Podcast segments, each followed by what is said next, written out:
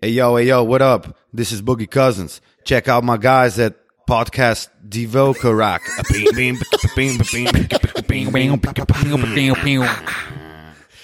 Naš šlog Boogie Cousins nam je naredil intro. Wow. Hvala Boogiju wow. za, za, za to, da nas je, da nas je sploh rekognizel, da si je vzel cajt.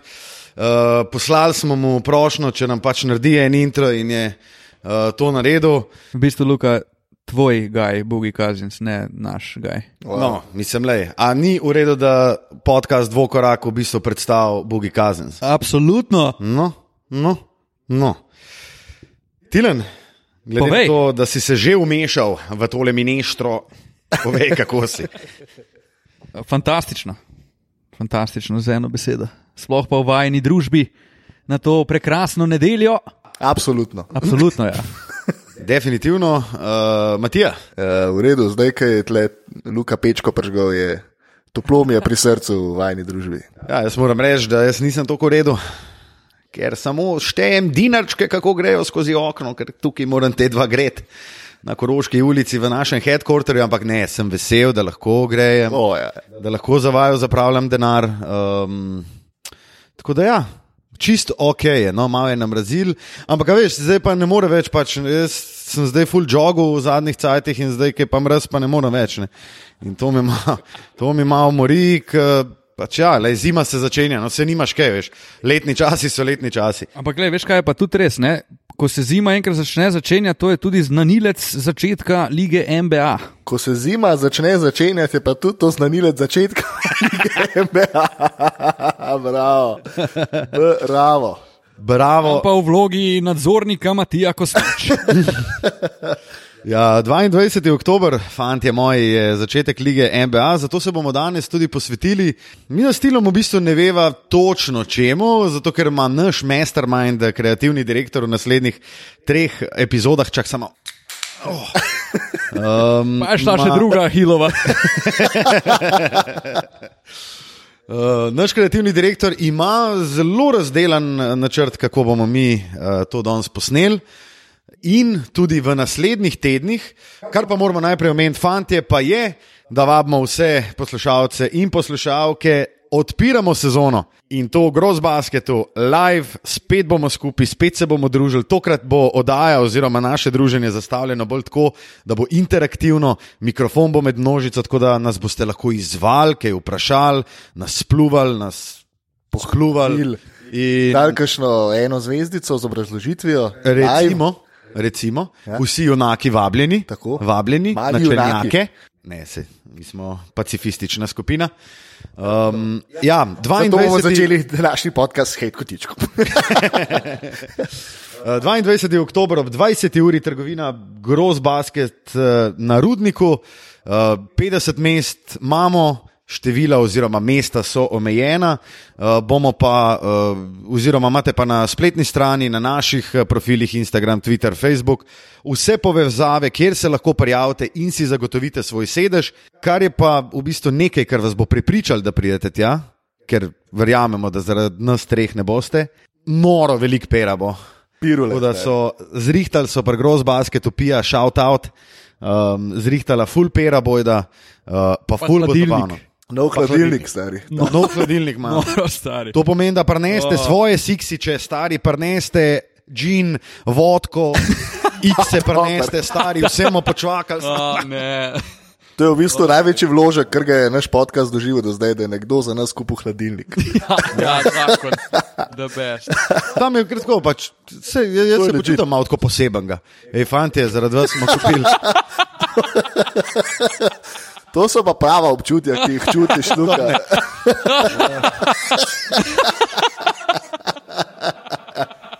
O, najboljši uvod vseh podkastov na materi zemlji. se počuti posebnega.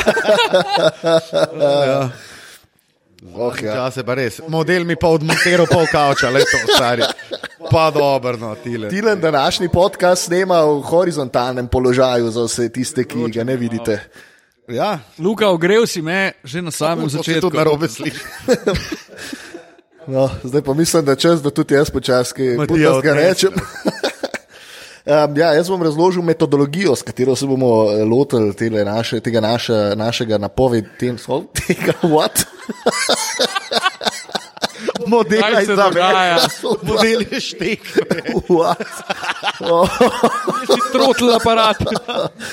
uja, uja, ja, ja. V glavnem, Oj, oj.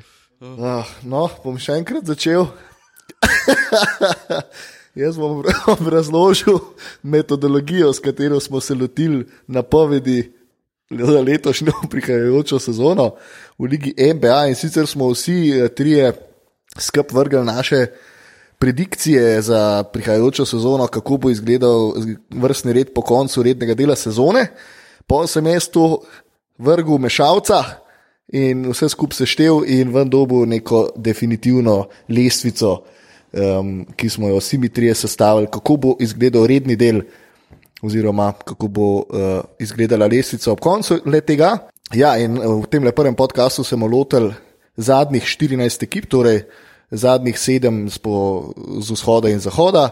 Ocenjevali jih bomo na tri uh, načine, oziroma bomo razdelili ta, to napoved za prihajajočo sezono na tri načine.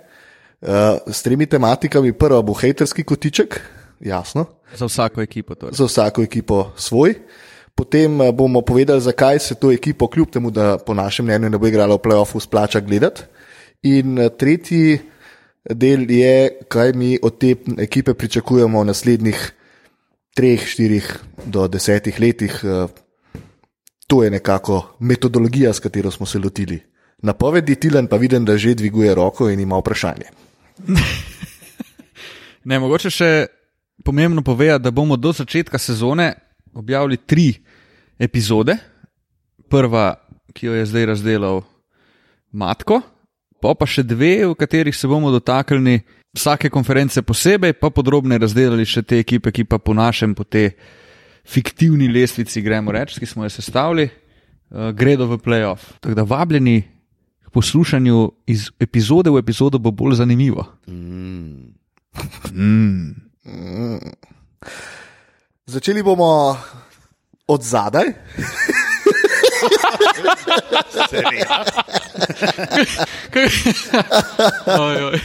Um, in sicer bomo začeli eh, z, vzhodnim polo, eh, z vzhodnega položaja, eh, z vzhoda. Potem bomo presedlali na bočnik. Tilen je že pripravljen, je že v bočniku. Že na bočniku. Um, ja, najprej gremo na vzhod in uh, po našem mnenju bo zadnja ekipa na vzhodu tukaj. Uh, smo se več ali manj strinjali, kako izgledal, uh, kako bo izgledal uh, zaključek rep lestvice na vzhodu. Uh, Cleveland je po našem mnenju na 15. mestu in uh, predlagam, da prvi izstreli svoj hate kotiček namenjen tej čisleni franšizi. A jaz moram? Cleveland torej. Jaz mislim, da Tilan se spodobi, da ti Cleveland oblatiš, glede na to, da si kar velik privrženec. Pomeni, da. Um, mislim, Cleveland je ekipa, ki nima nobenega kompasa, po mojem, od odhoda LBJ-ja. Ne vem, zakaj ne, se ne losajo Kevina Lava, pa ga držijo tam, ker mislim, da niti njemu ni v interesu, niti njim v končni fazi ni v interesu. Zbirajo nek talent, ampak mogoče je najbolj hatersko, kaj lahko rečemo v Clevelandu, da, je, da v bistvu sploh nimaš kaj o njih zapovedati. Jaz, Pač, kaj jaz, pa- jaz imam nekaj zapovedati, kar, No, daj, kar prosim, pritiče temu, kar si ti povedal. Lani so draftali Kolina Sextona, letos so se odločili, da na tem draftu, v katerem je bilo ogromno igralcev s podobnim potencialom, zberejo pa še enega pleja, zato ker se to spodobi nepravično. To je. Zdrava konkurenca na treningu. Ja, sam to je, bila tudi, recimo, to je bil zelo velik pomislek. Predvsem zato, ker Sexton je v zadnjih dveh mesecih sezone dejansko dobro špilo, da je od 20 pik na tekmo, pa bil pol zbran v, all, v second, all rookie team.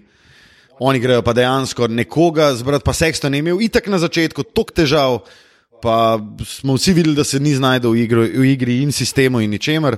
Drugače pa jaz pač še hate, hate pač po svetu Clevelandu, zato ker so se pač losali Jer Smitha in Jer Smith je na dan, ko snemamo mi ta podcast, še vedno, še vedno free agent, kar je, kar je Kriminal. kriminal.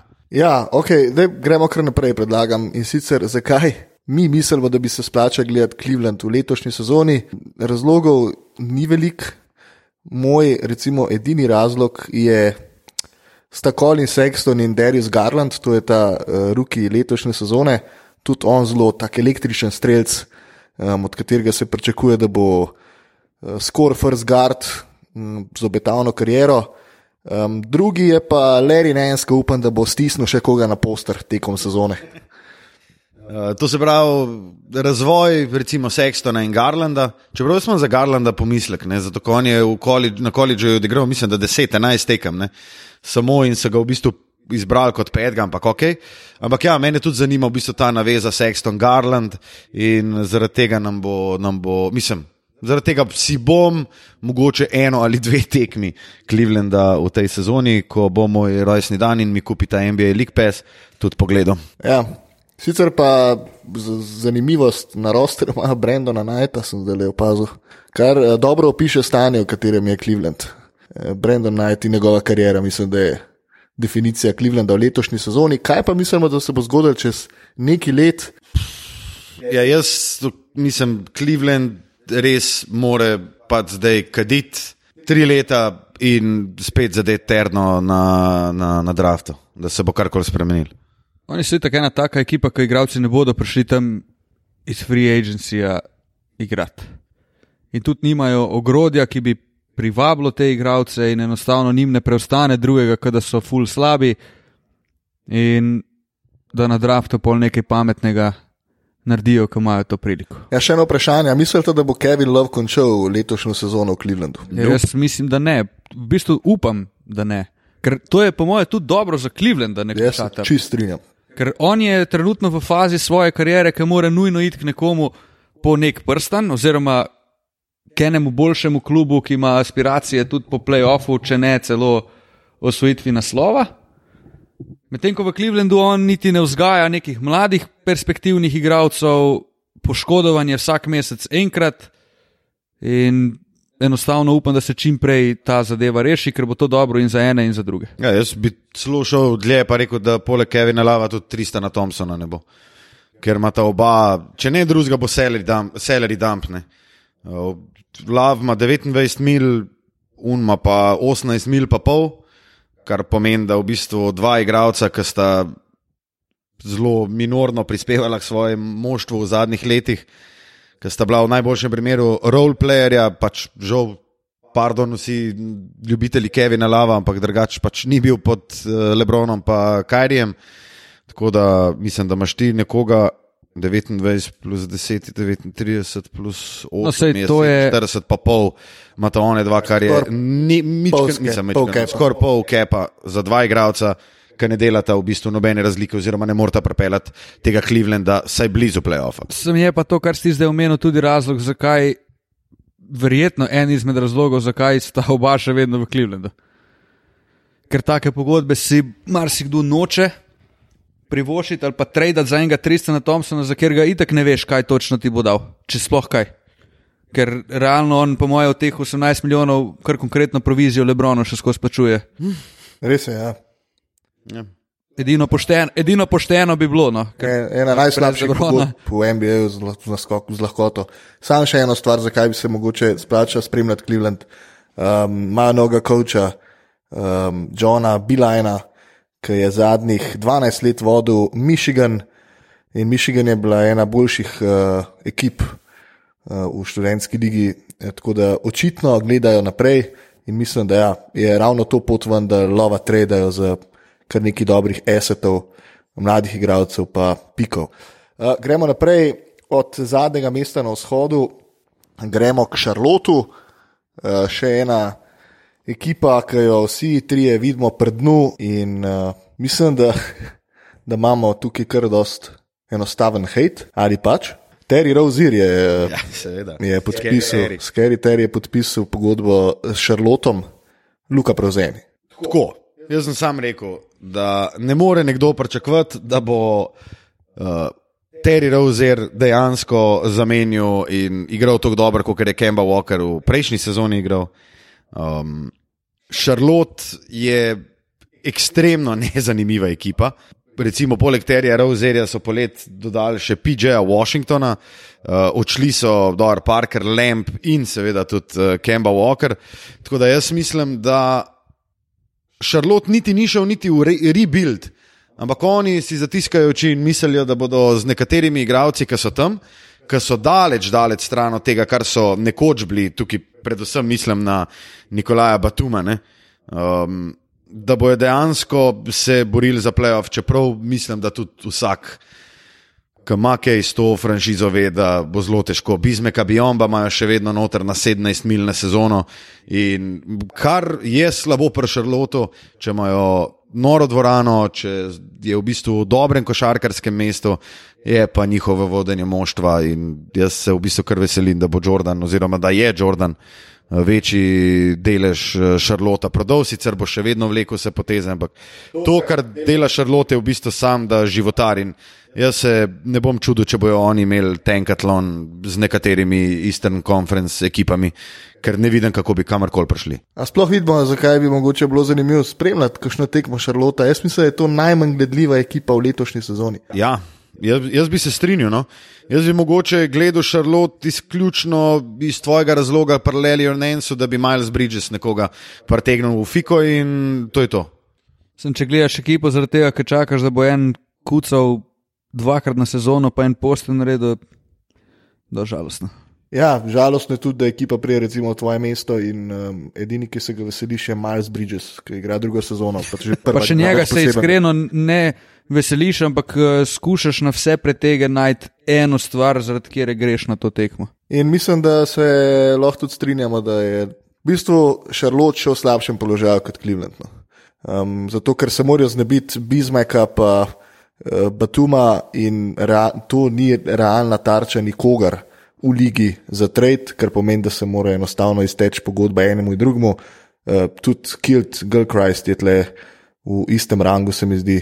Ja, pa 13 mil na sezono. Ja, ampak on je v zadnjem letu, Bizmek, pred zadnjem, se mi zdi, ali tudi v zadnjem. Mislim, se iztekajo pogodbe. Pa še Marvin Williams je na 15 mil. Ja. Še to. Um, se ja, iztekajo pogodbe, ampak uh, ja, pač oni rabijo res čas in enostavno morajo pospešiti svojega razvoja. Ja. Imajo pa recimo tri povprečne igralce, na katerih lahko to delajo. Kar pomeni, da se z lahkoto pomaknemo više in pridemo do še ene katastrofalne ekipe. wow, wow, wow. Smo na 13. mestu uvrstili uh, vsem nam ljubi Washington. Washington je sicer uspel storiti nekaj, kar eh, jaz močno podpiram in sicer se je znebil Granfelda, um, starega GM-a, zdaj ima novega GM-a, ki bo imel polne roke dela. Um, če pa lahko kaj hejtamo, je pa to, da je prav Granfeld um, pahnil franšizo tja, kamor jo pač je, s tem, da je John Wallu uh, vrgel vrečo denarja, ki uh, jo bo domov nosil še nekaj let. V zadnjem letu zaslužil 47 milijonov in John Wall je v bistvu trenutno rak rana te franšize, uh, kamor je pojet tudi Bradley Bill, ki se mora nekako rešiti, oziroma ga mora nekdo prideti rešiti. Ja, mislim, jaz bi se strinjal z praktično vsako besedo, ki si jo povedal. Ne? Ampak kar tudi hejtam, poleg GM-a Washingtona, je, da je to spet ena izmed unih ekip, ki je, ki je brez kompasa. Oni so imeli v bistvu uh, Johna Walla in Bradleya, bila dva cornerstona, na katerih ne bi gradili in niso znali obkrožiti teh dveh modelov z dobrimi igravci. Ali so bili več ali manj v veliki večini ne vem, neki Hezbini, kot je bil Dwight Howard, uh, Trevor Ariza, ker ni več Trevor Ariza iz vem, Houstona, konc koncev, kjer je dober igral. Um, in mislim, da je to spet ena franšiza brez kompasa in da če sem jaz Bradley bil, ma. Spakiram si že danes, pa sam mislim, čakam, da... da me nekdo pokliče. Pa če me pokliče, bi za dušen Hauptmann, pa da grem na novo 24 delati, grem stari. Sam da grem iz tega Washingtona. Bravo. Ne, meni je Washington je res obsojanja vredna franšiza. Pač oni so obupni in jaz mislim, da dobesedno Bradley Bill sem čaka, kdo ga bo pobral pa, pa odpeljal nekam drugam.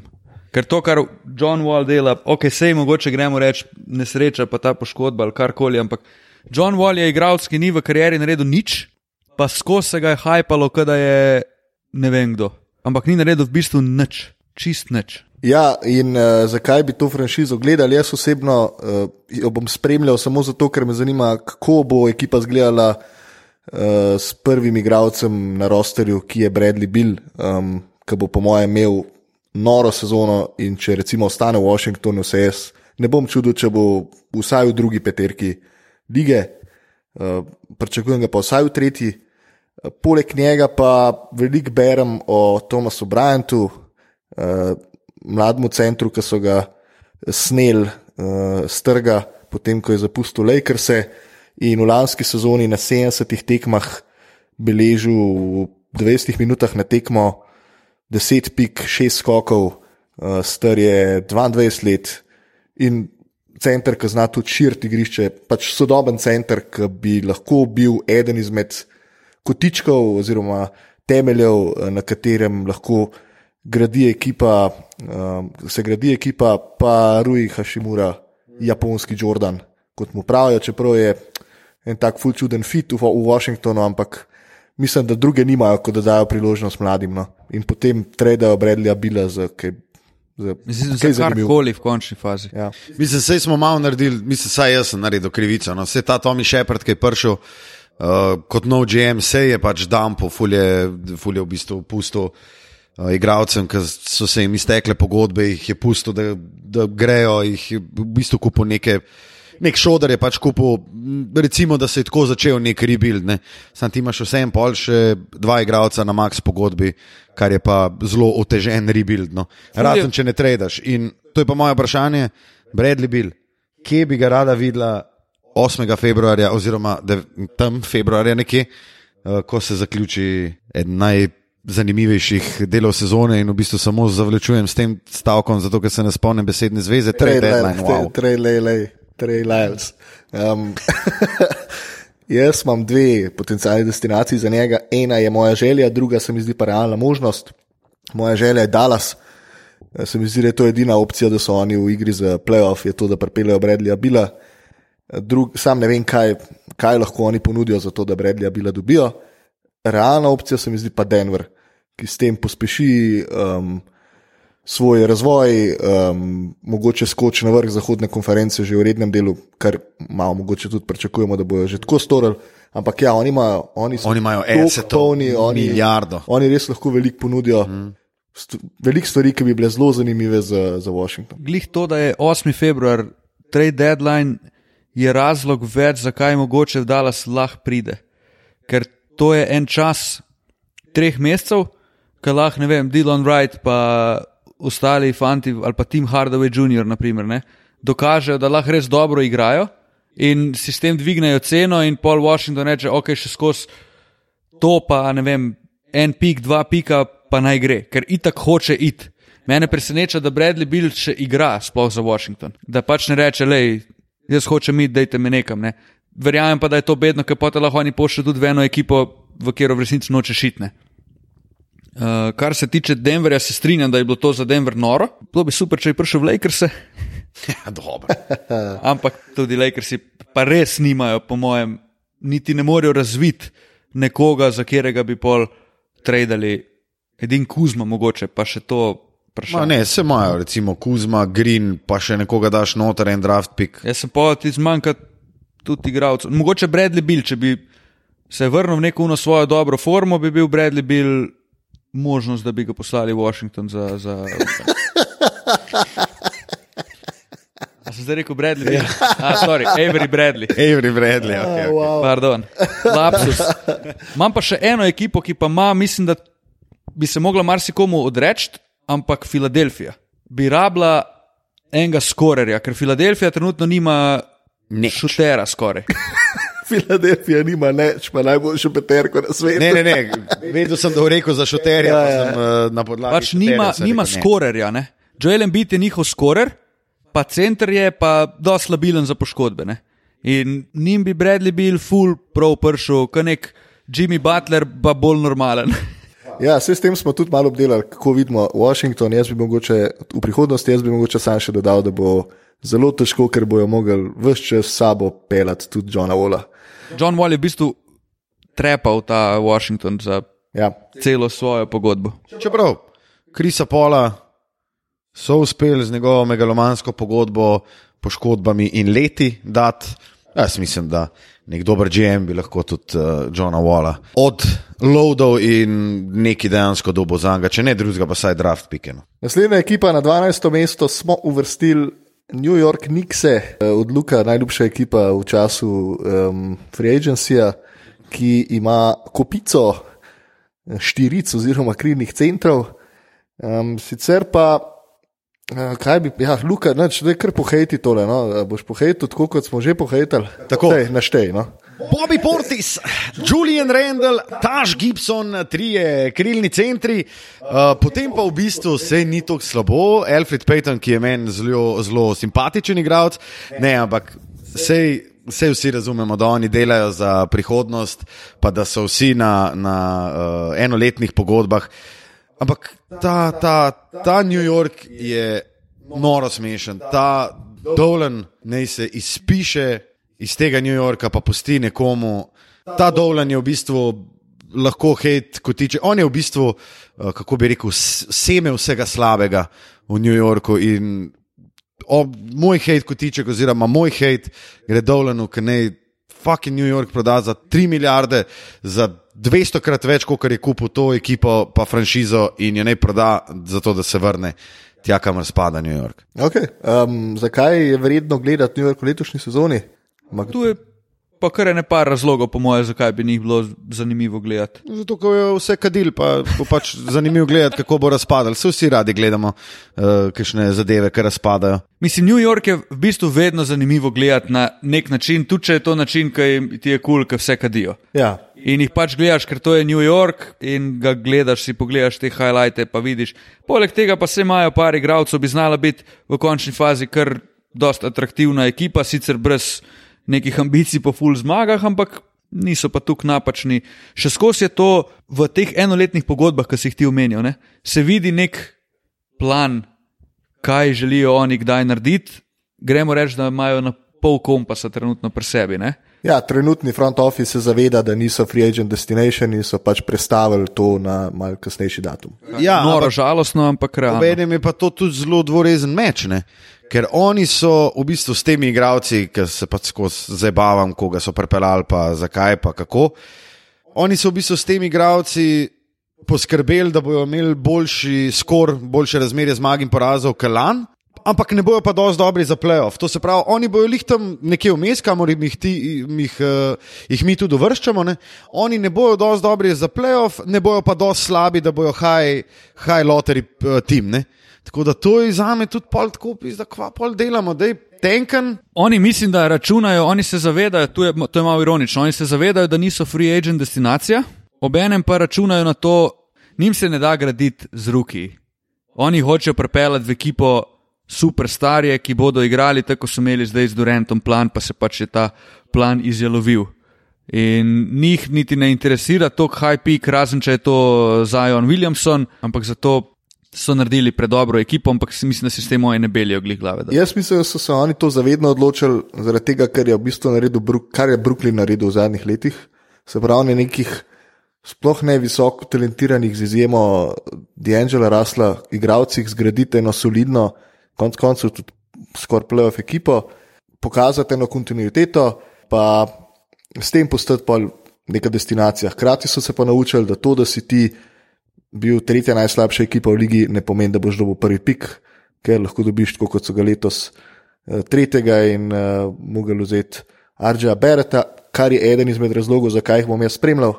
Arđej Beret, kako se bo znašel, ogromno je bilo povedano do, dobrega pred draftom, pol pa bolj, ko se je draft bližil, bolj uh, so se dvigovali rdeče zastavce kot tega uh, Kanačana, tako da mene res zanima, kako se bo znašel.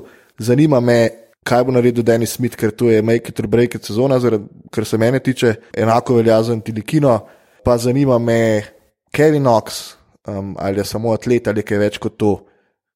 najbolj zanimiv igralec v tej eh, postavi je pa Mitchell Robinson. A bo, a bo to postal en center, ki lahko postane igralec tipa DeAndre Jordan, eh, rim protector eh, s visokim odstotkom zadetih metih, metov v napadu in en, en center, ki ga v bistvu sodobna ekipa lahko zelo dobro uporablja.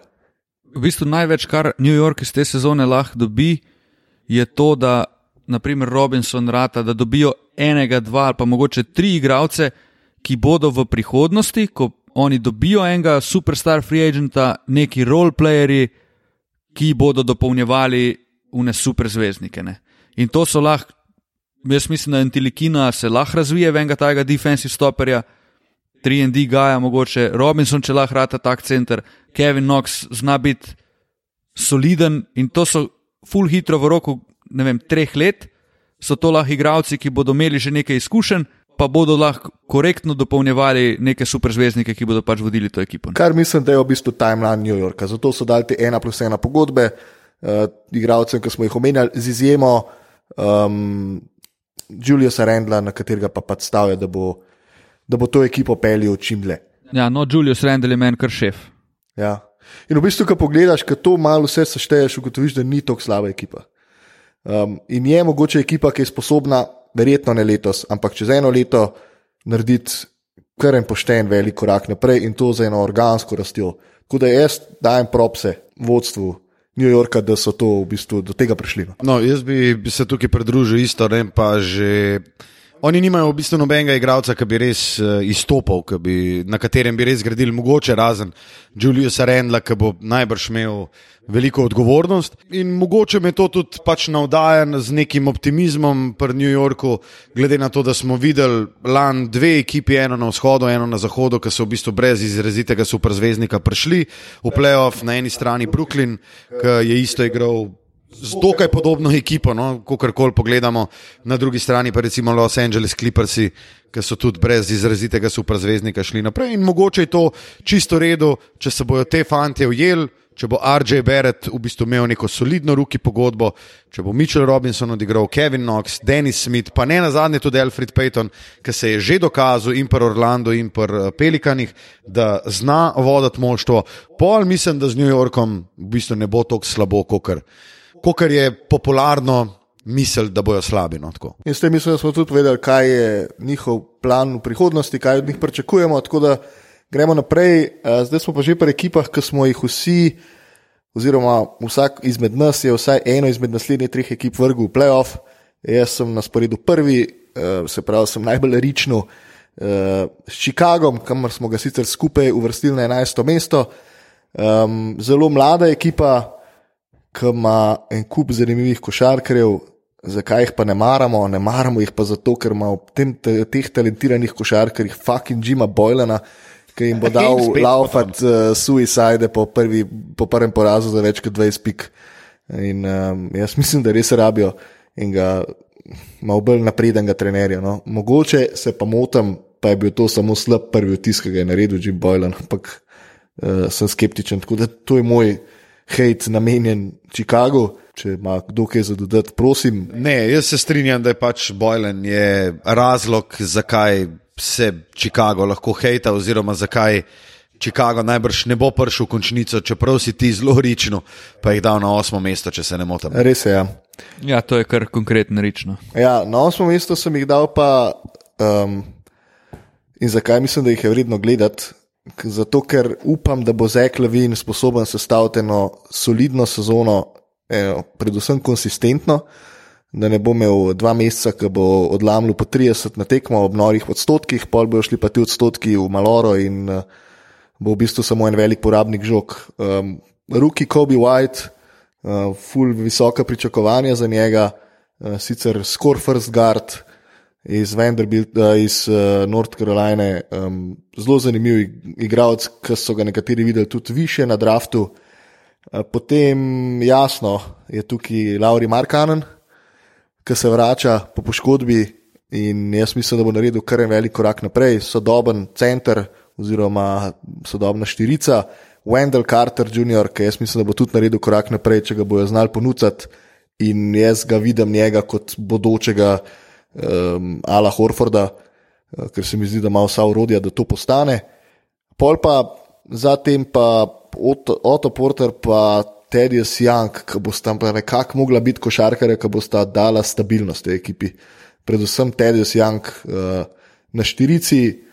Um, je tisti, ki ima izkušnje, ki je koristnjak, kot temu rečemo, ki dela stvari, eh, ki se mogoče v statistiki ne vidijo. Uh, pa Otto Porter, ki jaz mislim, da je še zmeraj full, talent, full talentiran, pa igralec, ki ga v bistvu ekipe rabijo in iščejo na krilu, dolge roke, dobra obramba, pa soliden šut. Skeptičen za Otto Porterja.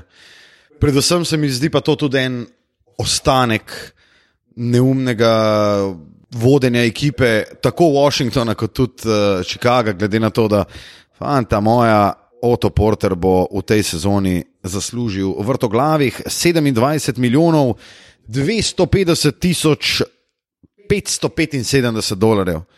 S tem, da jaz bi mu dal mogoče 75 v roko, pa igrej. Ampak ne, mene Otto Porter zelo skrbi. Jaz sem bil full high na Porterju, ki je bil v, v Washingtonu, Kleper, Chicago me ni, me ni prepričal. Hočem pa noro, noro mi bo zanimivo gledati in zato jaz pravim, da je treba Chicago gledati zaradi naveze, Mark Anen pa Lavin. Mark Anen je bil fulcajda poškodovan, kot smo rekli, in da one dva dobita eno polno sezono skup. Jaz mislim, da bo to eden izmed bolj napadalno uspešnih duetov v Ligi. No. Mene pa jih ta prestop Porterja v bistvu mal, mal mi da upanja za njega, no? ker odkar je on prišel v Chicago, je igral zelo dobro. Um, Poprečje je imel 17 odstotki, so tisti, ki me najbolj navdušujejo. Um, 3,48 posto, iz igre 48 posto, uh, prosti meti 90. Pač vice, da je on lahko res modern 3D guy, ki ga taka ekipa full up in da lahko pokrije tri pozicije. In ja, tle gre lahko zelo dobro, lahko gre pa tudi zelo, zelo slabo. Ampak ja, Chicago je ekipa, ki si lahko to zdaj le prvoš zato ker ima en kup uh, igralcev na drugi pogodbi in njih ne moti teh 27 milijonov, ki si jih ti umenil, ravno iz tega razloga. In mu pač lahko dajo to sezono, v kateri se izkaže, ali pa se izkaže, da je boljš, če gre kam drugam in se ga pač znebijo.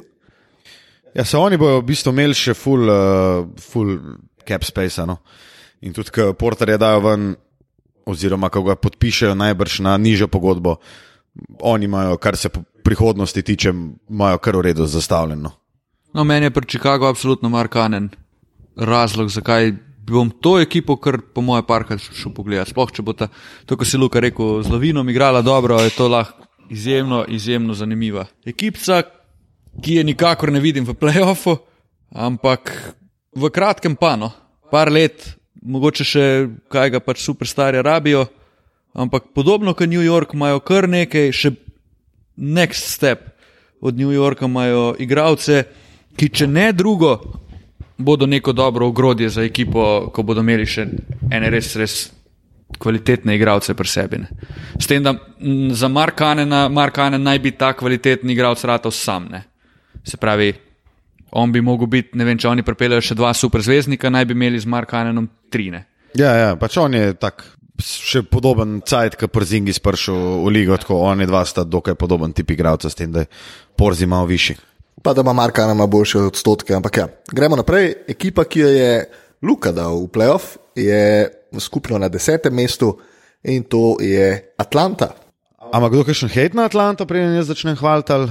Mislim, jaz ful težko najdem hejt na Atlanto, iskreno.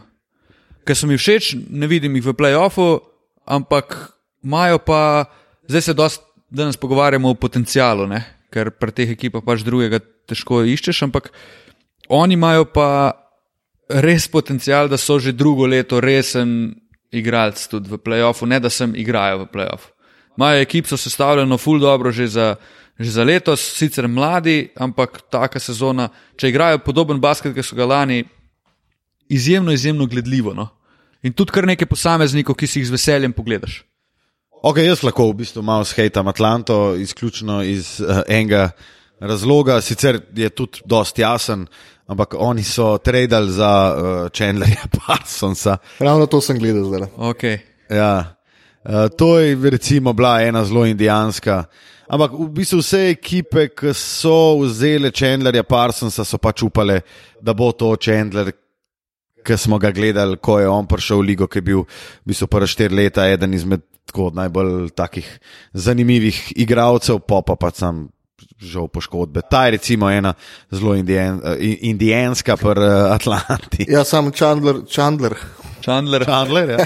ne v poteče, kdaj pogodba? Po koncu sezone. Mislim, da Mislim, sej, zaradi tega Mislim, da to- so ga samo zato. tudi. No, sej, sej sem rekel, zakaj, ja. ampak jaz na Atlanto nimam nekega, nekega hudega disa, ja. razen da ni to pač košarkarsko mesto. No. Imaš pa, imaš pa le pri Parsonsu enega igralca, ki ima že ogromno let v ligi in lahko mentorira, podobno kot Carter, te mladince in da mogoče tudi neko stabilnost. Pa če ti odigraš še par tekem, super, če ne pa tudi prav. Ne.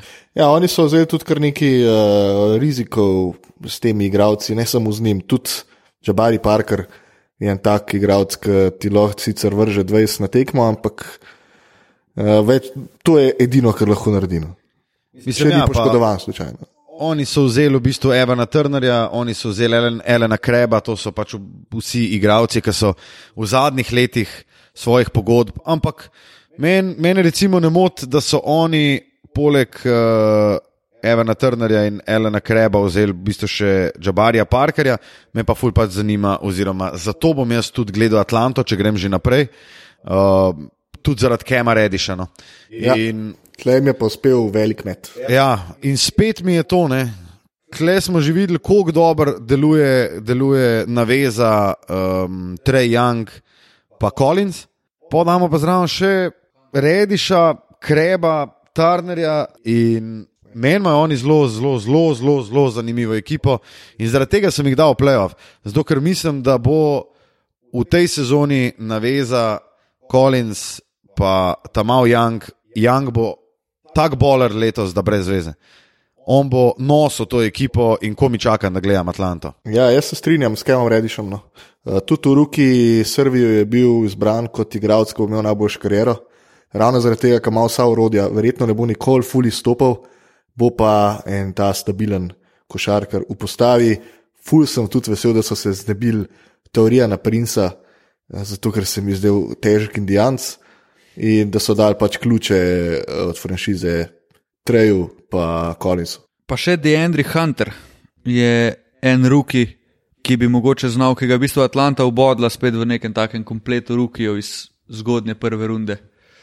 Imajo kar poštimano ekipo, meni te, Krep, Turner, pa Jabari Parker, Jabari Parker. Chandler, Chandler to so Parsons. minus Chandler Parsons, Chandler. Chandler. To so meni tri igralci, s katerimi, po mojem mnenju, Atlanta full dobiva. In na izkušnjah, in neki stabilnosti v ekipi, in koristnosti. In to je lahko za njih mogoče celo pot v, dajmo reči, ajde, playoff, če se jim vse drugo. Če tudi Trey Young ima noro sezono, nadgradi uno prvo, uh, da se Kem rediš, res ustali kot tak igralec, za katerega se pričakuje, da bo, uh, Collins napreduje, itd. itd. Ker Evan Turner je nor koristnjak. Ne? Ja, je koristnjak. Isto je koristnjak, recimo Alan Kreb.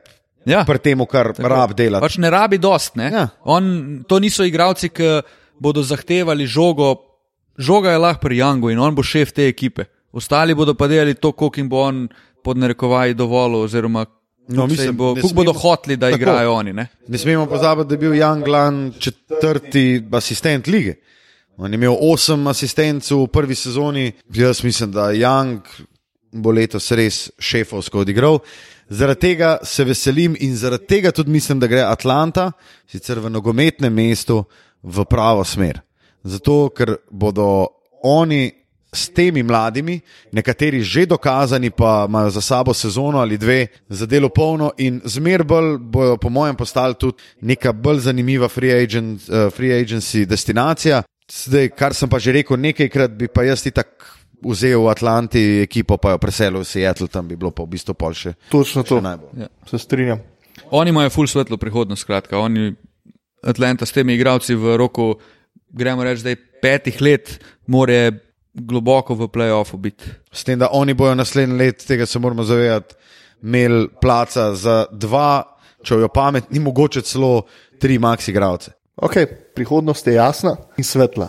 Wow. Gremo naprej. ekipa, ki jo je na sedmo mesto vrgel naš prijatelj Tilan Lemut, je ekipa Orlanda, ki je tudi zadnja, ki jo bomo v tem prvem delu na vzhodu uh, obdelali. Če se lahko jaz pridušam temu Orlandu, meni se zdi, da ima en kup poprečnih igralcev in da mogoče mečke nimajo kompasa. No? Eh, Pa še zmeraj nimajo enega pleja, ki ni DJ Augustin. Pa, Ampak oni še naj igra skozi- basket. On, tudi taki so bili tudi lani. Ja, ja, se strinjam. Letos so pač vrgli še ne par takih igralcev zraven, kot je recimo Alfa Rukaminu. Ja, pač igralec, ki ni nič posebenega. ne. Ja, dobro, ni nič posebnega, ampak je pa koristnjak spet. Mislim, jaz jih hejtam zato, ker so oni čist, eh, čist zadovoljni s Ja, svojo ja, povprečnostjo. Ja, ja, ja, ja. Sam to se na strinjam. metalu so skrpen, krpenih igralcev, ki niso ne tečne mašne. Jaz se strinjam, da oni so velika napaka v tem, da nočejo biti dobri in so vedno znova zadovoljni s tem, da se grebejo za ta playoff, pa pa odvisno od sezone, včasih pridejo, včasih ne pridejo. Nekaj, kar, jim, kar mi je pa zelo všeč in zaradi česar bom tudi gledal Orlando in ga spremljal vsaj na začetku sezone, je pa razlog, da so podpisali Markela Fulca. In jaz mislim, da ta, ta poba ima še, ima še svetlo prihodnost in da Rapeno res dobro šanso in Orlando mislim, da mu jo lahko da. Tako da upam, da v dveh, treh mesecih, ko poba malo dobi tla pod nogami, da dobi tudi resno minutažo in upam, da jo izkoristimo. Se oni v bistvu, če tako pogledaš njihov roster, ne, se oni imajo to, kar radi rečemo, da je neka zdrava ekipa, neke veterane, neke, ki so v primu in recimo nastavke za prihodnost. Sam, že prej smo se recimo Tilen eh, z Matijo pogovarjala, Jonathan Isaac, Mo Bamba. Kaj bo s tema dvema človekoma, kaj bo s tema dvema igralcema, od katerih smo v bistvu res veliko pričakovali. Od Moa Bambe se je pričakovali, da bo direkt naslednji Dwight Howard, slash Dikembe Motombo, recimo. Ne? Pa je v bistvu bilo kar slabo, dobro, tudi poškodbe so ga mučile in tako, ampak prihodnost, recimo, če mi je pri Atlanti kristalno jasna, da grejo v pravo smer, pa ne, morem, ne, morem, ne vidim, v katero smer gre Orlando, razen če. Razen če se nekaj res ne zavrti, za, za, oziroma obrne za 180 odstotkov, da dobijo enega free agenta, da skenslajo te Sam ga ne bodo dobili, ni šans, ker niso zanimivi. Pač Orlando ni nikoli no bil way. zanimiv. ne. Oni Ampak so sem- free agente dajali, ne, da so jih Ja. dobili. Dobro, recimo Tim Mac je šel v Orlando, sam od tega je že v bistvu zelo, zelo, zelo, zelo dolg. Jaz sem dal Orlando v playoff, glede zaradi tega, ker ostali so vsi full mladi, pa neizkušeni in je težko na tak način dejansko priti v playoff, magar na vzhodu. Orlando je pa taka stanovitna ekipa, ki na koncu zbere v nezmage, niti ne veš točno odkje, ampak jih imajo. Škaj so oni imeli, recimo lani, zanimiva, zanimiv podatek pri Orlandu. Orlando je, bila, je ekipa, ki je predvsem v minuli sezoni je premagovala slabše ekipe po razmerju zmag in porazov od sebe. Proti boljšim so redno ga fafali, ker so pa šli, ne vem, v goste v New York, so pa to tekmo dobili. In to je bil glavni razlog, zakaj, zakaj so oni v prišli. No, sej, to je pa ta stabilnost, o kateri govorimo, ker še skozi je tam Vučevič, na katerega veš, da bo 20-10, pa razni terenci, rosi, ki so Ja. Lej, v tej ekipi je pač dober in je koristen, in oni dobivajo, tako se rekel, ekipe, ki jih oni morajo premagovati, na papirju jih tudi da. No, vse imajo še Erona Gordona, Evana Ja. ja. Kurnijeja, vse neki imajo, valjda, vse ni. Vse to je pa v bistvu druga stvar, ki me zanima. Aaron Gordon pa je polet full delal. On je imel full težave, ko so ga prevzemali nižji košarkari, ne mogel s hrbtom igrati in je majster padel v paniko in ponavadi zgubil žogo ali pa kaj podobnega, ali pa zgrešil, ko bi moral dati koš. Tako da Pričakujem naslednji korak Aarona Gordona. No? Naslednji korak za Aarona Gordona pomeni pa lahko kar velik, lahko pomeni to, da se približa superstarjem. Ja, mislim, da smo vzhodno konferenco smo obdelali. Tale podcast Bo dolg, to ni bo skrivnost. malce daljši, definitivno preko ene ure, ampak treba je, treba se izobraziti, fanti moji, pred začetkom sezone. Če vam ne bomo mi povedali, kdo vam bo, fotor vam napovedal, mt vam napovedala, brat vam napovedal, seka vam napovedala, baka ti napovedala, deda ti napovedal, mi vam bomo povedali. Tako da gremo na zahod. Wow. Wow, prav. Točno, točno prehod to. na zahod. Uh, uh, uh. Na zahodu, na zadnjem mestu, ekipa Memphisa. Uh, pri zadnjih treh uh, mestih smo se vsi trije strinjali in Memphis smo prekemali na zadnje mesto. Ža, morant. Uh, gremo očitno kar, zakaj bomo gledali Memphis, ali ima kdo še kaj povedati uh, proti Memphis Grizzlyjem? Ja, dej ne godalo tredajo. No? Res je. Dajte mu plis.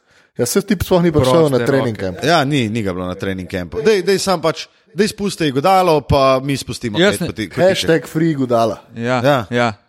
Ker to pa ne razumem, zakaj so oni rekli, mi pričakujemo, da bo Igi z nami igral. Kva? Ja, ja.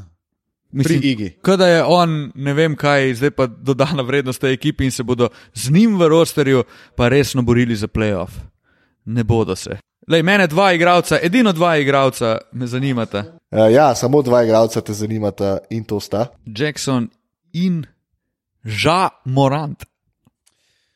Ja. Ki bi znala biti pa kar huda. No. Mene Mogoče poleg- prezgodaj zagovoriti, ampak sta mi všeč. Ja, mene pa zanimata recimo tudi oba Jacksona. Ti si sicer mislil namreč na Jerena, mene tudi Josh zanima, eh, prav tako 22-letni mladenič, eh, ki je svojo kariero, če me spomin ne vara, začel pri Soncih iz Phoenixa v zvezdni državi Arizona. Um, Imajo mlado ekipo, uh, imajo pa celo le 32-letnika, 35-letni Igi, ki bo najbrž odšel, potem pa bo najstarejši igralec pri njih, Miles Plumley. Oni so v tej sezoni šodr, to je vsem jasno. Ja. Jaz jih najbrž ne bom gledal, oziroma če bi jih gledal, uh, bom mogoče pogledal samo kakšne highlights zaradi eh, žaja. Pa še uh, Mislim- Brandon Clark je fulen dober pick-up uh, na draftu, ki je bil tudi Še- MVP poletne lige. Še en pick-up, Marko Gudurič. Ja, kar se mi zdi pa Zakaj se je to zgodilo? kar Ne vem. kar en pick-up. Oziroma, kako se je to zgodilo, ne vem. To je mogoče hate. Ja, tako da ja, mene tudi zanima, kva ta človek počel tam. Gudura, ki ga ni mogel uguduriti niti v Fenerbahče, zdaj v NBA. Dobro, ajde. Dajmo kar uh, skočiti. Uh, mislim, da je prihodnost dosti jasna. Kot teh fantov, ki so jih uh, na zadnjih dveh draftih dobili, bojo gradili. Ja, Luka, gremo naprej. Podpišem. In sicer na 14. mesto nam vsem ljuba Minnesota. Tilen, Jaz oder je tvoj. evo, Ajde, ja, tvoje, tvoje, dej. Stari moj, Zdaj kar please, vstal je. Samo, samo da, da poslušalcem in poslušalkam razložim. Tilen je zdaj gledal uh, Manchester United, Newcastle United, imel zraven mikrofon, mogoče kaj uh, dodal, ampak za tale hate se je pa Tilen ustal, oziroma sedi in prosim, odar je tvoj Tilen. Plis razložite mi. Gospod Karl Anthony Towns, ti si šodr. Wow, Wow, tole pa, tole pa Stari moj, on je pa opevan igralec na pune, ki se ga redno uvršča na predzadnje mesto v konferenci. Če si tukaj dober, kot ljudje pravijo, pa pol nekaj naredi z ekipo, magar sam, prepeljijo vsaj, da povohaš plejo, pač oni niso niti blizu. Iz leta v leto niso niti blizu. Pa ima Wigginsa zraven, pa naredijo neko ekipo, pa se govori, da Minnesota pa bo, Minnesota pa bo, pa Towns full trenira, pa bo full dober. Stari moj, pa nabija une stece, pa nič od tega, res nič.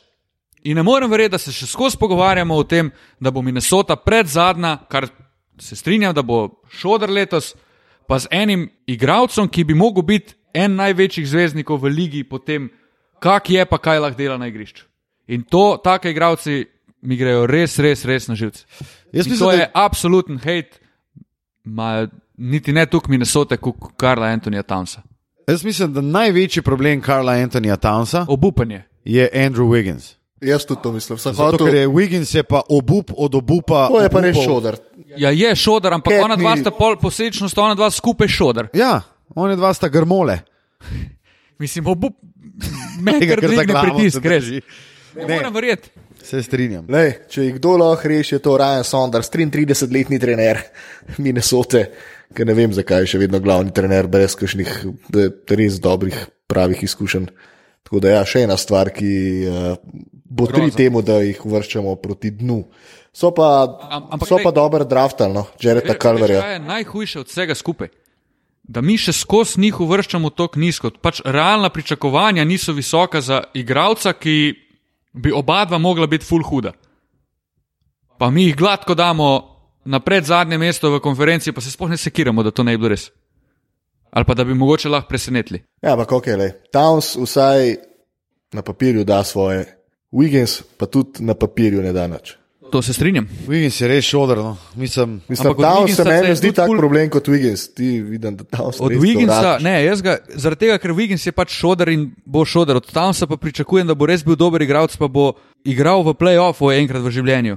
Pa bo to Minnesota nekam propelo. Meni se zdi, da on igra v tem Minnesoti, da izpolne to pogodbo in pol sem zbira, komu se bo pridružil v free agency. In to je to. Ah, Ja, um, zanimivo.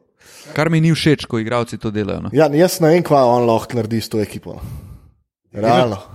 a tebi gre bolj na živce Brooklyn ali Minnesota? Minnesota tako preziram, da mi sploh na živce ne gre.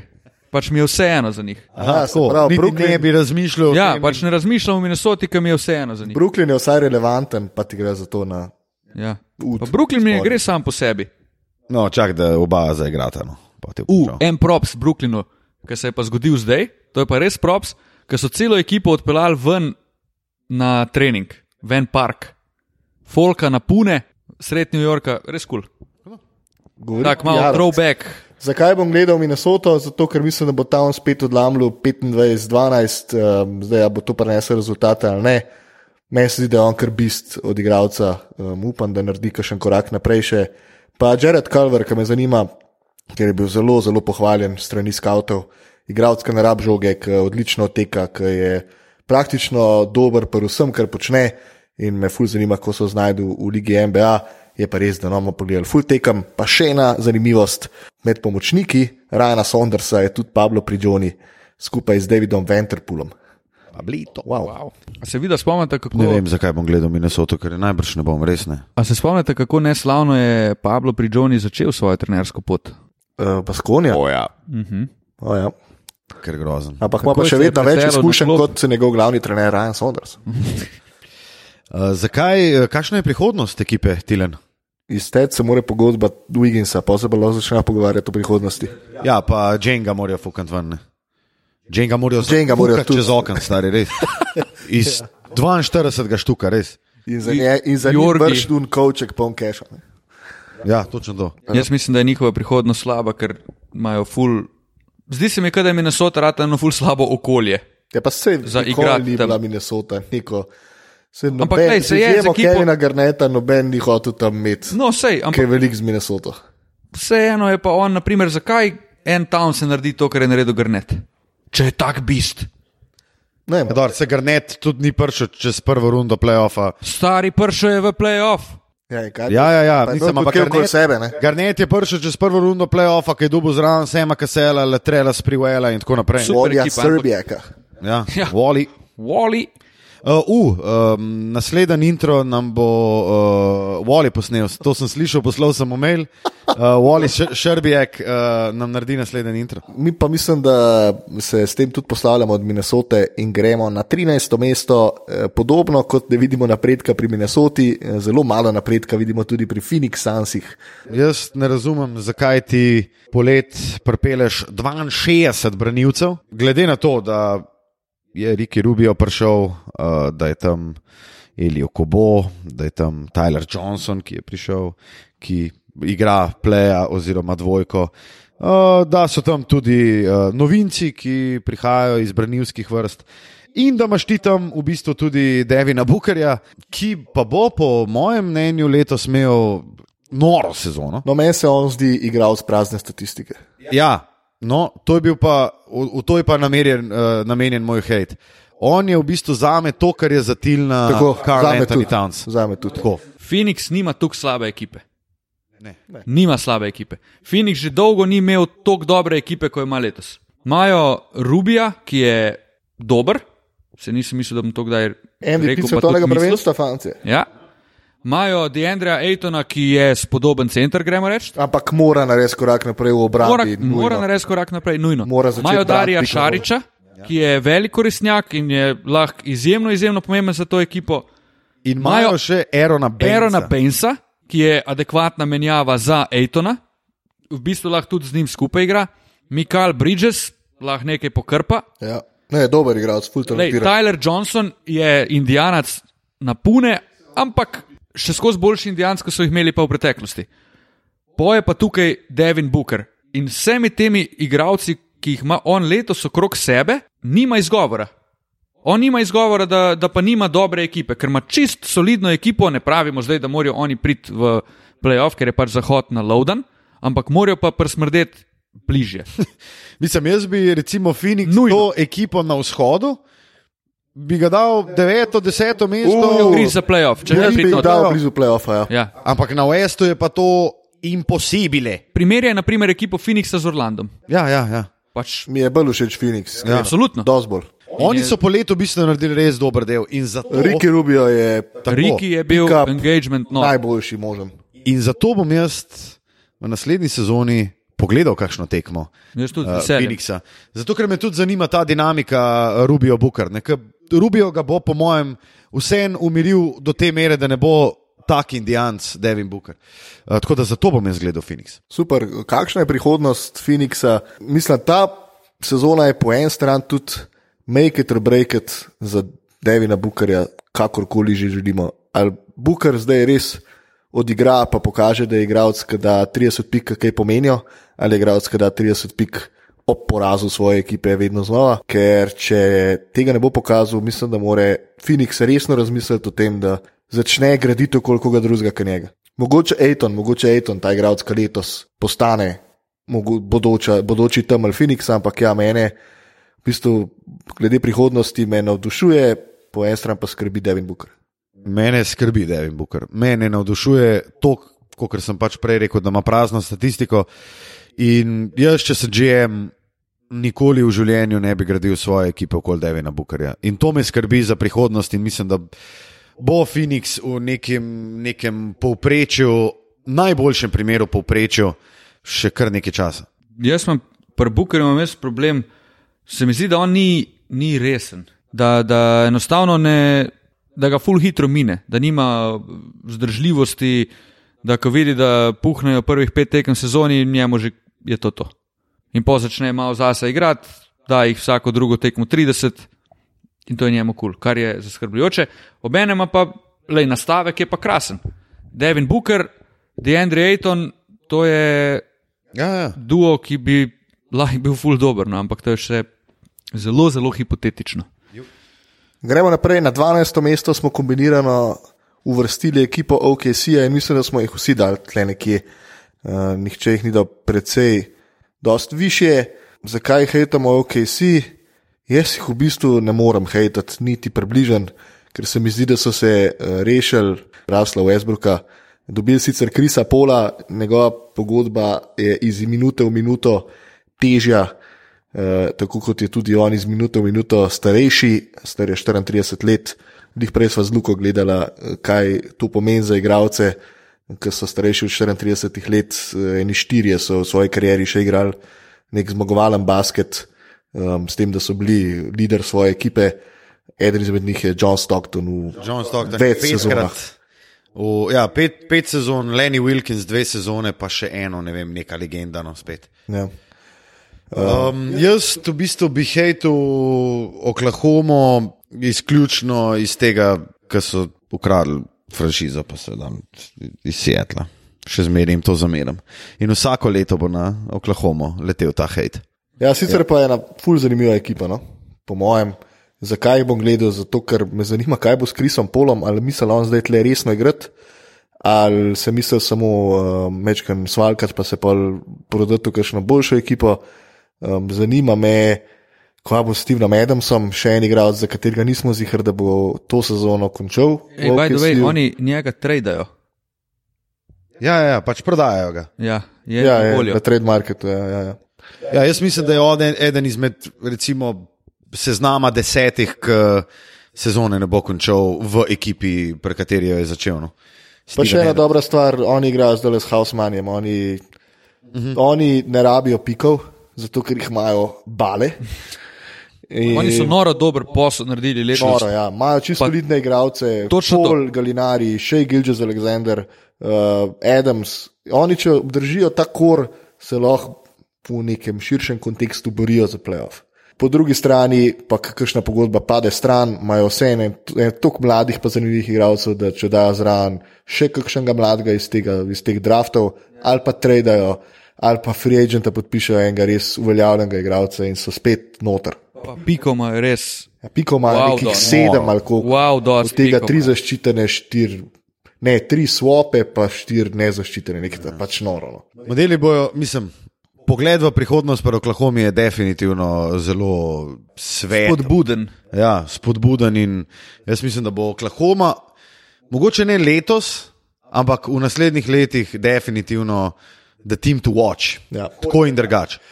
Gledali bomo zaradi še Gilčasa Aleksandra, jaz mislim. Pa ja, spremljali bomo zato, ker nas zanima, kaj se je zgodilo.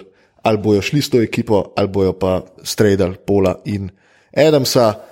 In to je nekako tudi prihodnost. V končni fazi tudi Galinari, daleč od tega, da bi bil fiks, da ostaja. Ampak bomo videli. Človek, ki se je vse preveč potikal po različnih ekipah, namesto da bi kakšna ekipa ga vzela resno.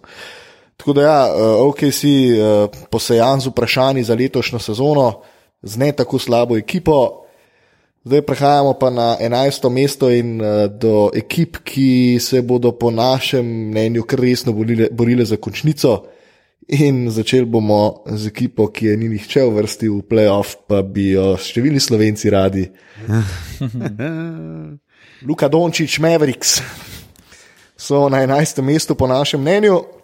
In zakaj hejtamo Dallas? Fire away. Jaz bi lahko, zato ker so bili definitivno luzeri poletnega prestopnega roka in mislim, da to, kar, imajo on, to, kar so oni naredili, pa ob enem spet tvegali s Porzingisom. To smo se jih včeraj mi trije pogovarjali in je bila kar tako zanimiva in vroča debata. Mene Porzingis ne prepriča, dokler me ne bo prepričal, tako, tako bom rekel. In Wow.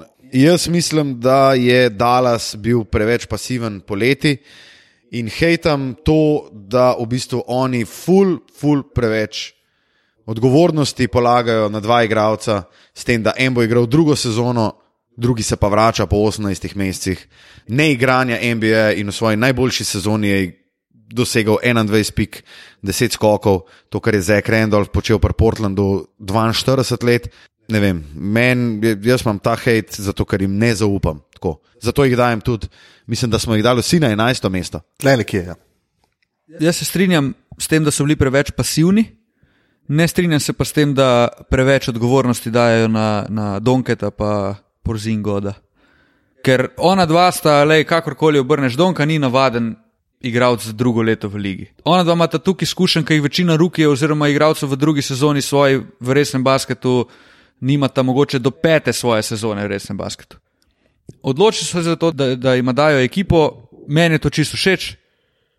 Je pa res, da so naredili premalo, da bi jih obdali z nekimi bolj kvalitetnimi, pa starejšimi igralci. No, se to je bil moj point. Da pač oni imajo šodar od zadaj. Ja. Pač jaz bi rad videl, valjda Dallas letos v končnici in se vsi zavedamo, da Donka pa Porzingi sama ne bosta te ekipe pripeljala, še posebej ne na tok stek v Westu. Pa Dallas je v taki situaciji, da oni imajo možnost, ko bomo hejta dobili, zato ker jih nismo dali not noro. Oni imajo možnost priti v playoff, Ma, ampak, O, ampak o, to je njihov domet, to je, To je njihov domet, njihov je tako. playoff.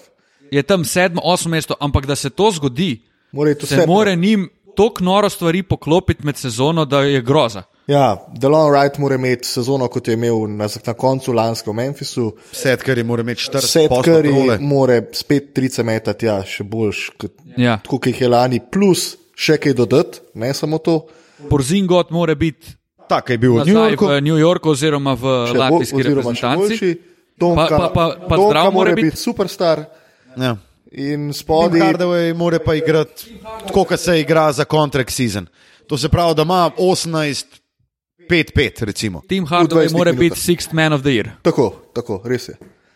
In pol imajo oni Pod košem možnost. imajo pa probleme, ne? jaz mislim, da jih imajo. No, full probleme. Ker Dwight Powell un- ni neki igralec. Točno to. Ne. Pa Unka reče, da je bil Bobby Marjanovič, kot je vsem všeč, zdaj res neka dodana vrednost za Dallas, se lahko gre izpisati. Ja, se strinjam. Okenca številka 5 pa No, bi izpisati. pa sam prej sem hotel te dodati. Um, to, kar si rekel, da so oni bili premalo agresivni uh, na trgu, jaz mislim, da so bili agresivni.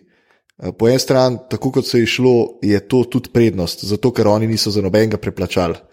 In še zmeraj bojo imeli, potem ko se znebijo Tima Hardwaya, se bo odprl spet neki cap, cap space in bojo spet lahko lovili. Ni pa Dallas pač ni free, agent, free agency destination.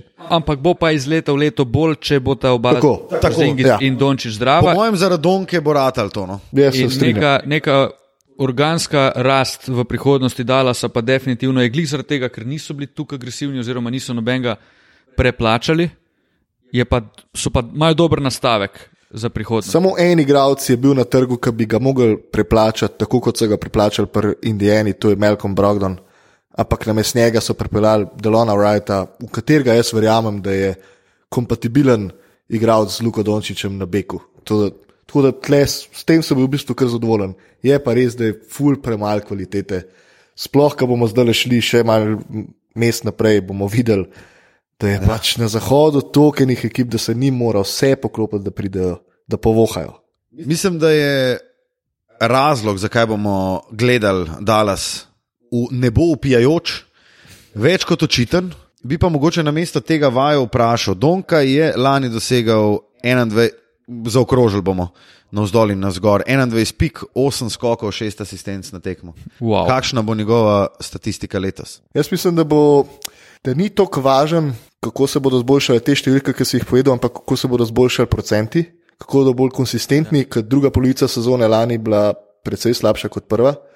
Um, Predvsem za tri. pa pričakujem, da bo imel več asistenc, enostavno zato, ker ima shotmakerje okoli sebe. Jaz bi rekel 24, 8, 8. Pa Bi to bo, ful, to bo ful dobra sezona. No. Bi se Jaz- strinjal, da je Jaz to pa rekel 20, 7, 9. Tako bom rekel. Si čisto devet lahko, tudi ta scenarij si jaz čisto lahko predstavljam. devet Mislim- asistenc.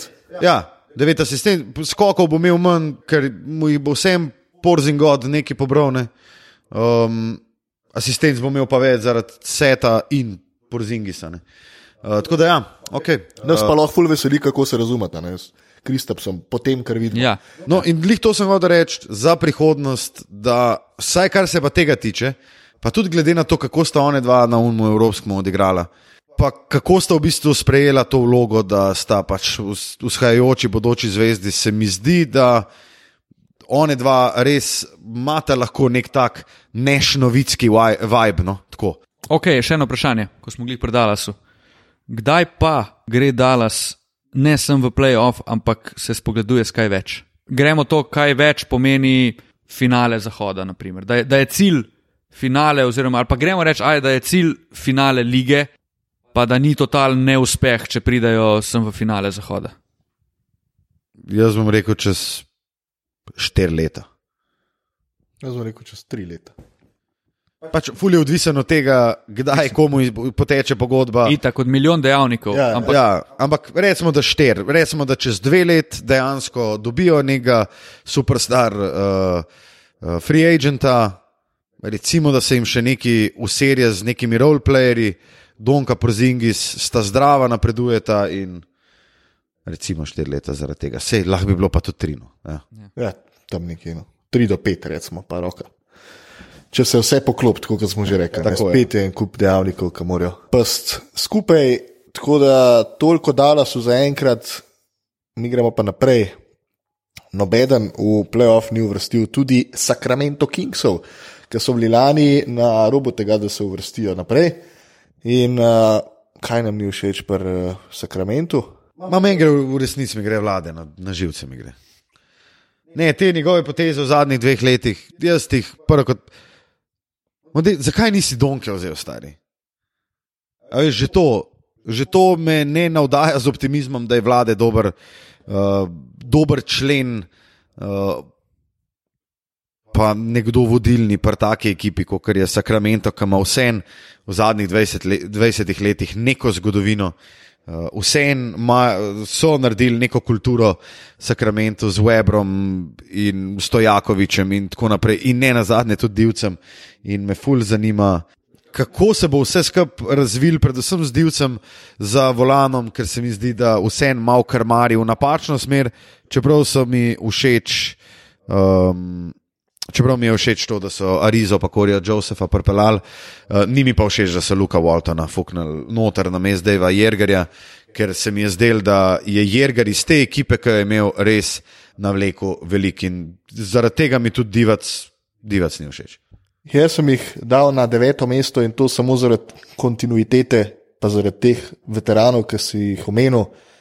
Čeprav ja, imam pa isto težavo z Waltonom, pa ne, da ne bi verjel v Waltona, ampak Dave Jurger je delal, Dave Jurger je s to ekipo naredil čudež in ne vidim nobenega razloga, zakaj bi on mogel leteti. Ampak tudi neverjetno težko mi je bilo na zahodu dati ekipe od 6 do 12. Tako da jaz sem jih dal mogoče sam zaradi kontinuitete malo više, ampak ko pogledam roster, si po eni strani pa rečem, fuck, koliko stvari mora tleti prav, da, da, Ja, da ja, je to ja. Ful stvari mora iti prav. Je pa ena stvar, ki bi njih znala tepst. Oni so, oziroma niso podpisali, podaljšali Kolija Stajna, ki je bil njihov prvi center. Njihov prvi center je zdaj Dwayne Dedman. Drugi center, ki je listed kot center, je Harry Žil, Harry Giles. Harry Giles, tretji. Harry Je, tu, tu bi znali imeti problem, je pa res, da pričakujem, oziroma upam, da se bo razvijal tudi Marvin Bagley, tretji.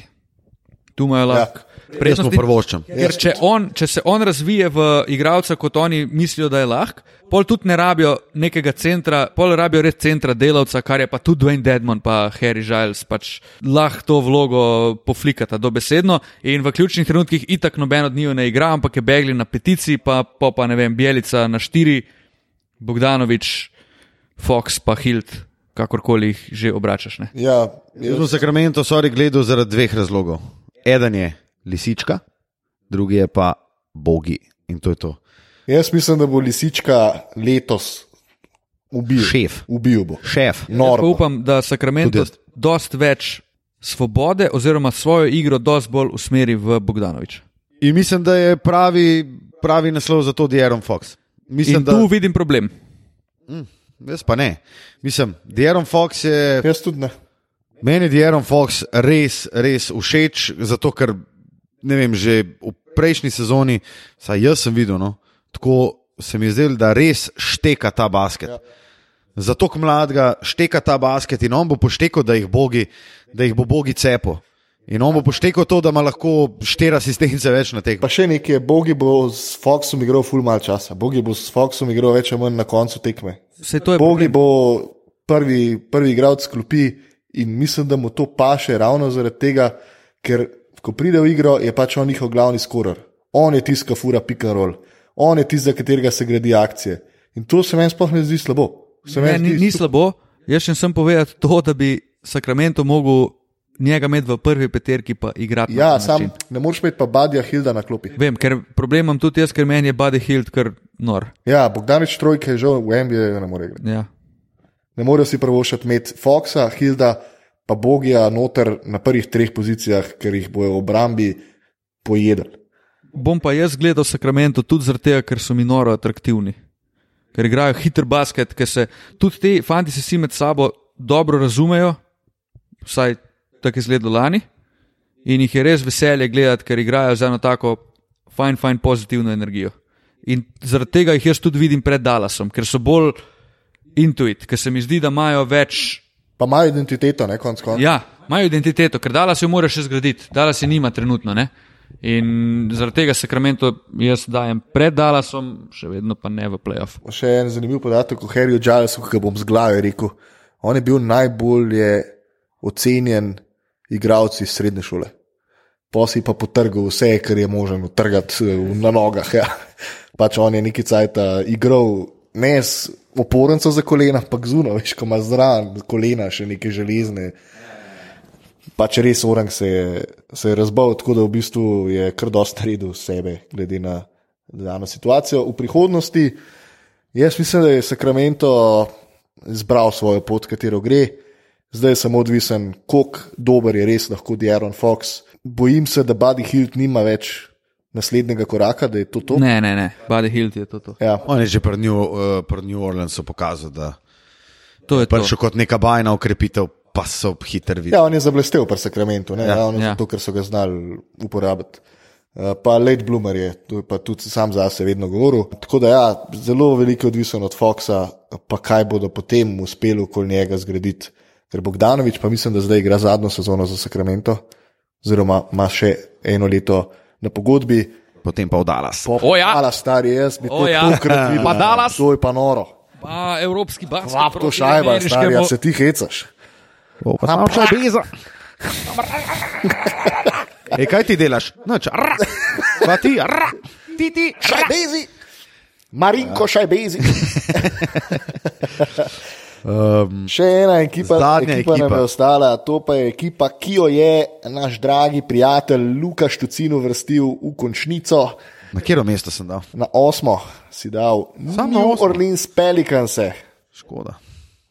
ki so res uspeli narediti eno ful dobro ekipo. Ej, pa v rekordno kratkem času. Ja. Pač ta rebuild je pa norja. Ja. Ampak zakaj jih midva s Tilom niso dali, oziroma zakaj jih jaz nisem dal? Ne, ja, okay. Zato, ker enostavno so mladi, pa neuigrani, Pa indijancev en kup tam noter. pa dosti igralcev je, za katere ne vemo, kaj dejansko so. Q in Brandon Ingram, Lonzo Ball. Bolj Brandon Ingram, kot Lonzo Ball, Zan Williamson, pa ti ga navaraš samo zato, ker ga ESPN fucking fukne zmer na neko nerealno pozicijo najboljših stotih igralcev v Ligi NBA, česar jaz tudi ne štekam. Jaz mislim, da bi mogli ruke izločiti Ja, ja, do ja, tega, ja. da ne, To je res, da ne to je res. igrajo ene sezone. Meni se zdi Zion, Draymond Green na steroidih. To je moje mnenje, Zion Williamson. Okay. Kako, kakšna ti šič? Če, se, če se poklopi, zato ker je switchable, zato ker ima soliden handling žoge, zato ker nima šuta, tako kot ga nima Draymond, pa zato ker bo pobiral. On bo največji smetar v ligi, stari, on bo vse odpadke pobral, ga, že. no. To, da Draymond Nima, no. to šuta, čisto ne. nima šuta, je buča. Dober. Ampak pustimo. Ja, um, ampak kdo še hate mogoče na New Orleans? Ne, jaz bi samo objasnil eno stvar, ker si zdaj me obtožil, da hejtam Zajona. Ja, se ga hejto že od Mislim, lani hejtam ga, hejtam pomp okrog njega, predno karkoli naredi, ker imam full pomislekov, da bo on bil trajnosten igralec v ligi, da ga bodo pač poškodbe zaradi tega, kak je, zaradi njegove fizike, da ga bo to zdelalo, da ne bo mogel pokazati tega, ker zdaj ga folk vidi kot Marija, Lebron 2, pač mojster. Daleč od tega je Zion Williamson, po moje. In Če pa bo ratov to, pa krasno, le bomo imeli enega fantastičnega igralca v ligi, ki ga bomo gledali 15 let. Ampak jaz dvomim v to. No. Jaz mislim, da on prva, mislim, prva stvar, kot si rekel, ne, on pač sam ne sme biti Čabi Alonso. Niti slučajno ne. Za tiste, ki niste razumeli, ja. zakaj gre, eh, to pomeni ne čabi z X, ampak CHU, BBY. Ja, kao, da, je um, Bajsek. adipozen, Wow. odebeljen. Boldan. Boldan je tips. Ja, bolj. Johna Boldan. Um, jaz moram reči, da sem zelo, zelo padel na hype train New Orleansa, mogoče sem ga tudi sam si, uh, pomagal ti si šo- vzpostaviti. Ti si šofer, stari, ne da si padel. Ti furaš to lokomotivo. človek. Ču, ču. Ej, ampak kar me je pripričal, da sem skočil z obema nogama na ta vlakec in poprijel za, za volan, za krmilo, je Koromilas, Elijas Koromilas. Ej, JJ Redek, no, res. Ja, res. Wow, res, Res, ja. krasno. Ja. JJ Redek, s tem, da mi je Drew Holiday itak eden top 3 najljubših point guardov v ligi. Čisti pes, čisti bist od, v obrambi. Jaz imam hate na preostanek lige, ne na New Orleans, ravno zaradi njega, stari, ker Drew je fucking žval. Ja. Pa ga noben ne prišeta. In recimo, recimo da Zajen vsaj malo live up the hype, pismo pa imaš ti zraven še, se zdaj mi je kar žal, da bom to rekel, ampak Brendona igrama, ki pač bo dal njih 14 pik na tekmo, čeprav gre vsem nam zelo na živce. Imaš pa tudi Derika Favorsa. Meni je Der- Derik Favors velik koristnjak. In meni se zdi, da so oni res v rekordno kratkem času naredili tako ekipo. In... To jaz mislim, da dejansko je rekord. Zdaj le, ja, zdaj le vam povem, zdaj le vam povem, da bodo tekme New Orleansa, po mojem, jih bom gledal več kot Dallasa. Ja, jaz, tudi, jaz bom tudi gledal dosti njih. Kar bi pa rad dodal, je še eno odlično ukrepitev Jackson Hayes, ki so ga dobili na draftu. Um, en, ki poriva žoge skozi obroč in točno to rabijo. Um, nor duo mi bo, Lonzo bolj, uh, Drew Holiday, sploh v obrambi, to bo ja, to divjina. Um, kaj sem hotel pa povedati, pa zdaj ne, nisem pozabil. Brandon Ingram je po mojem edini igralec, ki lahko to odlično kemijo, ki jo tle imamo, zjebe. Ja, do na dile. pune, na pune. Do dile. Ker on je, on je point forward, on rab žogo, on mora igrati pik, on mora prodirati. On, on, on res- igra. On rab usage. In tega usage jaz tle ne vidim. Jaz mislim, da ga bo, da ga bo Drew Holiday, ga bo meni handlo. No. Jaz upam, stari. Ne ga z Ben Handla v eno drugo ekipo za, Ja, ja, za ja. full dober return. Za karkoli, za sendvič pa sok. Wow. Poli, poli se. Res. Je Step pa, je pa zanimivo. Step back, ima- poli. Wow. Najboljša reklama. Um, pet košarkarjev, ki so hodili na Duke, imajo. Ja. Ingram, Jackson, Okafor, Jalil Okafor je še noter, uh, JJ Redick in Zion. Res so ful simpatična ekipa, pa te igravci, ki se jih sploh ne omenja, naprimer Jalil Okafor. Etwan Moore, Darius Miller. Ne smemo pozabiti Tudi. še na te. Tudi. Pa predvsem, predvsem uh, tudi Derek Favors, naprimer. velika dodana vrednost tej ekipi.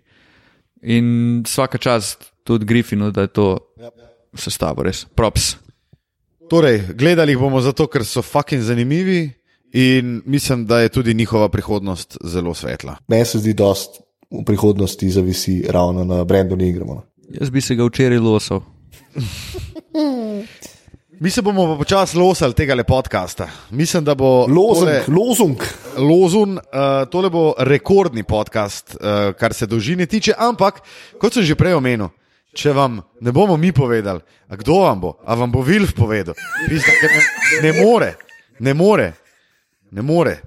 Um, 22. oktober v Gross Basketu ob 20. uri bodite v naši družbi, ful bomo sovražno nastrojeni, hejt kotičkov imamo milijardo, perov imamo vsaj ene šest platojev, babe, sam babe, bo, ful bo bab. Wow. Uh, čevlji bodo. Chris Bab.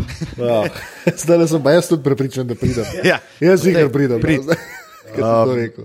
Ne, ful bo dober. Nas pa najdete na vseh uh, družabnih omrežjih, kjer boste najdel tudi prijavnico na live podcast snemanje dvokoraka in kjer si boste lahko zagotovili vse tiste dobrine, o katerih uh, smo že spregovorili. Pa če slučajno še koga zanima, kje nas najdete, poleg naštetih, tudi v Gross Basketu bomo. 22. A Ja, točno, 22 imamo uro. a ne? Ob 8. Ob osmih je, ja. Ja, ja, ja. A To, čakaj, Ja. ja. to je tisti live. Live, ja. Folk lahko pride. Tako. bo folk lahko sprašal pa to. Uh, majke bomo imeli, full majko, mi bomo imeli tri, pa gor. Um, Pa 40 jih bo po tribuni. Ja. Vsak svoj majk dobi, za domov. ja. Ne, Um, ne, Ja, moramo. domov, ja, ja, Domov, ne, ne, jaz sem slišal, da, da bi z domov uh, je uh, tale Siemens je sponzor. Um, Drugač- Gross Basketa. Pa prijavnico bojo imeli na naših socialnih omrežjih. Če slučajno še ne bo gor, ko bo gor ta podcast, bo gor kmal. Ja, pa mislim, da mi Pija iz Gross Basketa rekla, da unka se prijav ima džabe, džabe ta nove lebronke. Um, tako da prelete, no. Ej, pa Mislim, Une, Une, une, a, to smo čakaj, zabili. une, misliš, une limited edition. Ja, limited. A, Ej, Ej, papir bo. Papir bo. Pa, pa, pa, pa, Ja, ja. pa, pa, papir. pa, pa, pa, pa, pa, Ej, ja, pa, pa, pa, pa, pa, ne, sem rekel. Pa, pa, pa, pa, pa, pa Nikolao. pa, pa Petru. Ja, ja, to je to, ne? Ok, kul. Cool. Ajde. Čau.